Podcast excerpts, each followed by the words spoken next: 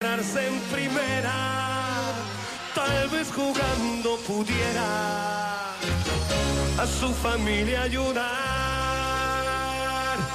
¡Grande Diego! Torque Lab.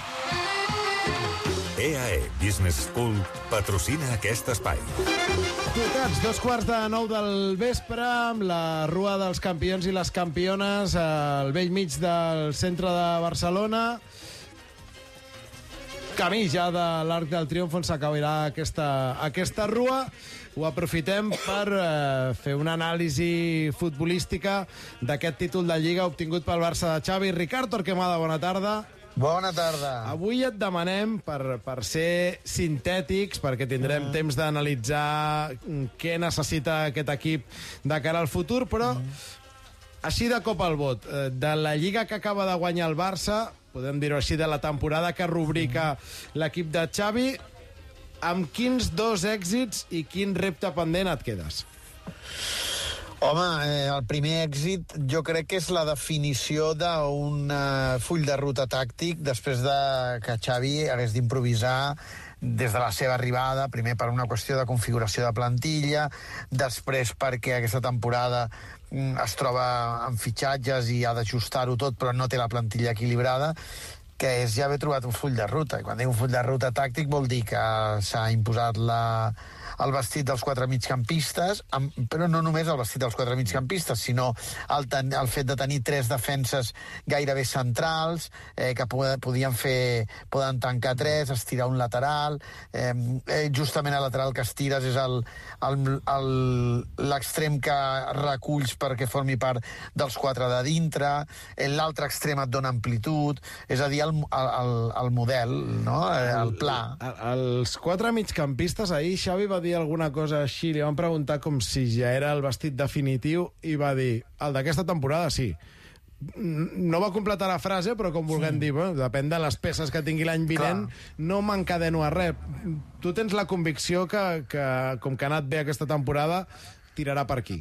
Jo, depèn, jo estic d'acord que depèn del mercat, perquè si de cop i volta tens més extrems eh, i no pots reforçar eh, la zona de mig camp, doncs el, la versió dels quatre migcampistes l'haurem de posar entre parèntesis. Jo crec que serà el punt de partida de la temporada que ve si no hi ha una revolució mm -hmm. al mercat. Sí que crec que serà un punt de partida, però hem de veure què passa, no? Perquè si, eh, per exemple, el Barça pot fitxar dos extrems de cop i volta, tindrà més jugadors exteriors. Eh, si pot fitxar dos extrems, probablement podrà tenir extrems que puguin jugar al perfil eh, diferent, és a dir, el perfil d'amplitud esquerra i tirar un lateral llarg de, a per la dreta si has pogut fitxar un lateral, un lateral dret que tingui recorregut. Eh, i, I veig molt difícil que si necessites quatre migcampistes de cop i volta, ara que en tens 5, eh, 6, entre que si i Sergi Roberto, de cop i volta en tinguis 8. Clar. A, a, a, Para empezar te falta el medio centro. Perdona, Ricard. Això, això veig molt difícil que pugui duplicar de cop i volta tot el que és la, la part del mig camp i, i, i entenc que Xavi no s'hi encadeni però, però és veritat que és la, a, a, aquesta temporada eh, és el que ha funcionat és on s'ha sentit còmode l'equip és un 11 que gairebé se sap de memòria i que ha començat a generar automatismes. Hem vist eh, Busquets, Rafinha, connexions, hem vist la connexió de Jon Condé de la passada diagonal, o sigui, hem vist coses que, que, que, que neixen de la convivència durant molts minuts de competició, no? Per tant, eh, primer èxit, primera signatura aprovada, el full de ruta tàctic definit, com a mínim fins ara. Quin més? Doncs la consistència defensiva, no? La recuperació d'un equip molt intens en la pèrdua, després de la pèrdua, de la pressió alta, eh, després de molts anys eh, doncs haver fugit finalment de totes les hipoteques que s'havien tingut eh, defensives. Eh? Mm, eh, recordem que, que vam tocar fons, diríem, amb la, amb, amb, amb la parella Messi i Suárez que feia que haguessin d'estar relativament alliberats. Després es va quedar Messi i després en l'etapa post-Messi, si alguna cosa s'ha pogut recuperar, diria més eh, la pressió que moltes vegades fins i tot el Barça ha igualat home a home, cosa que era gairebé im- impossible.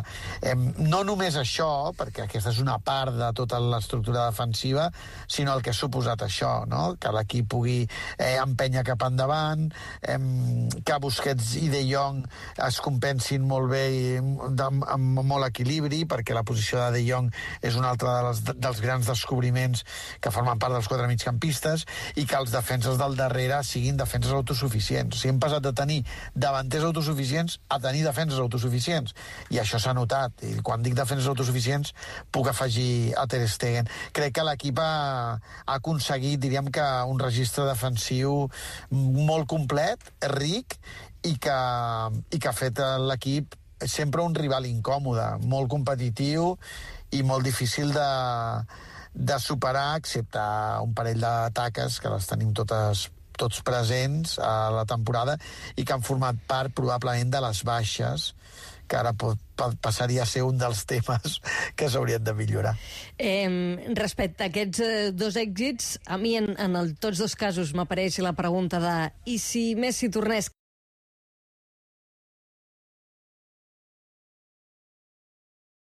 passaria, però eh, com que no sabem si Messi tornarà, la Tindrem deixarem... molts capítols, sí, la deixarem per per més endavant, parlar. aquesta Sí, pregunta. Si torna Messi, I- farem un especial de Sistor que l'ha seguits Per veure com, per com ho veure encabim. l'encaix ja sabeu, futbolístic. Ja sabeu tots dos que l'estem preparant, eh? Sí, el sí, laboratori sí. està funcionant. Ja, ja ho sabem, ho sabem, Això- que això fa dies que hi reflexioneu. de Ah, exacte. I, I aleshores, eh, més enllà dels dos èxits, ens quedava per preguntar-te el repte pendent que li queda al Barça de Xavi, que per tu Sí. eh, s'ha de, o s'hauria de millorar de cara a la pròxima temporada. Sí, per mi clarament allò que a principi de temporada es pensava que es tenia i que s'ha vist que no, molta més competitivitat, més profunditat de plantilla en els rols que Xavi voldria. És a dir, eh, Xavi té clars els llocs que vol reforçar i quines característiques futbolístiques han de tenir aquests, aquests rols i el Barça necessita trobar reforços. És a dir, eh, el Barça va quedar fora d'Europa en un moment que va caure la defensa per unes lesions i va quedar fora de la Copa, per exemple, i de l'Europa League en el moment que van caure els migcampistes per lesions. O sigui, el que vol dir és que tot això que estem dibuixant, eh, aquest esbós, té una forma, eh, que són 11, si vols 12 jugadors, perquè si Dembélé en 3, Rafinha cauria. Eh, però no té gaire possibilitats de retocar. Al mig camp ha quedat clar que gairebé res sense que el rendiment eh, decaigui. Al darrere, potser alguna una miqueta més, però no amb les garanties que s'esperaven. I al davant, mm, doncs han anat caient les peces que havien de sumar i s'han quedat Lewandowski i un extrem. Em, per tant, el més urgent és eh, compensar, equilibrar la plantilla i fitxar no oportunitats de mercat, estic molt content del debat que parlàveu sobre Deco i estic molt content que el Barça torni a tenir una oportunitat per marcar eh, un perfil fort com un ideòleg futbolístic que vagi de la mà de Xavi i que s'entenguin i que quan la versió poderosa que voldria fitxar les possibilitats econòmiques del Barça no les aconsegueixin, busquin una versió low cost, però no una oportunitat de mercat que no s'assembli en res, però que, com que passava per allà i ens en falta, doncs bé, que vingui, perquè Xavi, clar, amb, amb un problema de d'economia d'austeritat i en la situació que viu el Barça, ell anava incorporant tot el que li portaven, però hem trobat oportunitats de mercat com Héctor Ballarín, que era evident que no era el perfil que buscava a Xavi per ser un lateral dret i no va tenir minuts, eh, el cas Kessier, fins i tot et dic el cas Pablo Torre, perquè és evident que Xavi no s'ha trobat el que pensava que hi havia. I Marcos Alonso, que venia a ser lateral i ha acabat sent central. I que veurem si la temporada que ve pot eh, acabar sent el lateral que Xavi s'imaginava. Sí, bueno. Pero es que al Barça le faltaría un lateral derecho, un medio centro titular indiscutible, un interior creativo, un suplente para Lewandowski I un I un extrem. extrem. y un extremo. Sí, sí. El Marcos t'ha fet la, la llista. Sí, però... 200 milions una Sí, altra fa, vegada. fa, la sensació, fa la sensació que tot menys, això no hi menys pot experiència arribar. que Eh? Deco i has sigut capaç de fer la llista. No és tan, no és tan difícil. No és tan difícil. Ara, ara, perquè ens hem de complicar buscar-ne un altre. El tema, el tema es ponerle nombre. Sense, Sí, sense eh, Posar-hi nom i, i trobar-hi els calés per fer Bé, tot i si no, versions low cost. A veure, no, o sigui, no, Ho dic que- de veritat. que- O sigui, No, però les jugar- versions, les versions low cost, l'experiència ens diu que no, acaben funcionant, no, tampoc. No, No, no, no, un no, entiendo lo que És que hi ha versions low cost i versions low cost. O sigui, una versió low cost que no s'assembli en res a la primera opció, que no funciona. Però i si fitxes una versió low cost que s'assembli carac- amb, amb, amb característiques futbolístiques a la primera opció? Sí que funciona. És a dir, a la Lliga Espanyola, per no anar fora, hi ha Mm. equips que juguen molt bé a futbol amb versions de migcampistes que probablement no serien eh, titulars al Barça, però que entenen el futbol de manera semblant al Barça. Però els fitxem que- per ser titulars al Barça? No, els titulars ja els els- tenim, no? D'acord, els fitxem per ser O suplents. sea, O sigui, els titulars ja els Dicho, tens. D'acord, dicho de d'acord, otra d'acord, forma, Ricard, para fichar a Zubimendi, como diría Núñez, eh, la portera lo hace, pero hay que encontrar al, al anterior a Zubimendi, que no te cuesta 60 millones de euros, pero que yo entiendo ahora, por ejemplo, a Xavi, Xavi debe estar dándole vueltas, bueno, ahora está en la rúa y ahora no, no, no está preocupado de nada. Ara està fent. Bueno, és capaç d'estar pensant en futbol a plena rua, també. No, no, no, Xavi, pero me eh? refiero, debe estar dándole vueltas porque es una posición capital en su estructura de juego. Sí, és que jo més que la versió low cost, jo crec que el que busquen són oportunitats de mercat.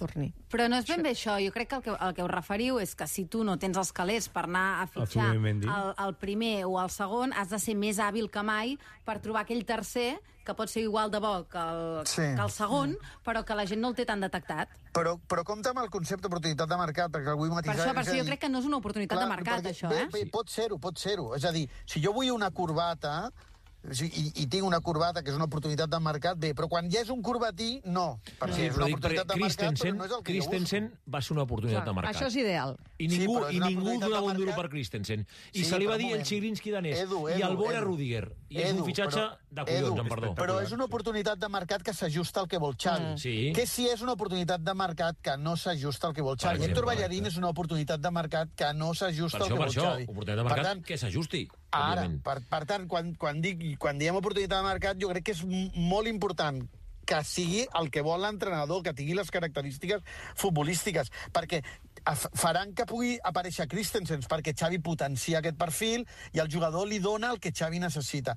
Però Xavi no podrà potenciar perfils que ell no vulgui ni aquell jugador li donarà el que vulgui ell, i per tant aquell, aquella oportunitat de mercat està absolutament abocada al fracàs perquè no, no, no encaixa amb, la, amb les idees de l'entrenador i del nou director esportiu. El que està alertant el Torquemada és el que alerta tothom quan has d'anar de rebaixes de compres. Mm. Que és que si vas Compra a allò buscar que una americana, vagis a buscar una americana. No i que tornis a no casa amb una camisa, sí, Clar, sí. I, i que no, Y sense americana.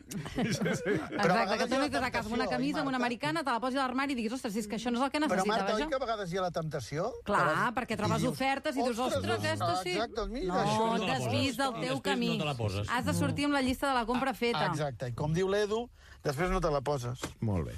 Doncs uh, equilibrar... Uh, Torquelab, americanas, camisas. sí, sí, aquí... Bé, això és aquí- un homenatge a Menotti. He de dir que sempre Menotti ens va ensenyar el futbol a través de la roba i els armaris, per Aquí exemple. toquem tots els pals. Rafa Benítez era la, la làmpara, la mesilla i, no? I què era? Exacte. Musical, estilístic, que no falti de, de res. Evidentment, eh, ara ja amb la Lliga al Torquemada ha Sarro... començat el dia un concert avui, eh? Ah, sí? En un concert. Sí, aquest matí coincidit estava amb a l'auditori. Torquemada. Si nosaltres fem concerts de matí, ara. La ressaca de la Lliga l'hem passat a l'auditori aquest matí. ¿En serio? Aquelles, can... Tios musicals com Aquelles Torquemada cantades de nens que fan, així multitudinàries. Ah, infantil. Ai, Encara no, m'agafa sí. lluny, això. Perquè m'ha d'anar un concert al matí no, no, no m'encaixa. no, Ni a la nit, ni a la nit. Ni a la nit tampoc. per què, per què enganyar-nos? Responsabilitats. Això eh, mateix. Ricard, gràcies. Adéu. I gràcies a l'Edu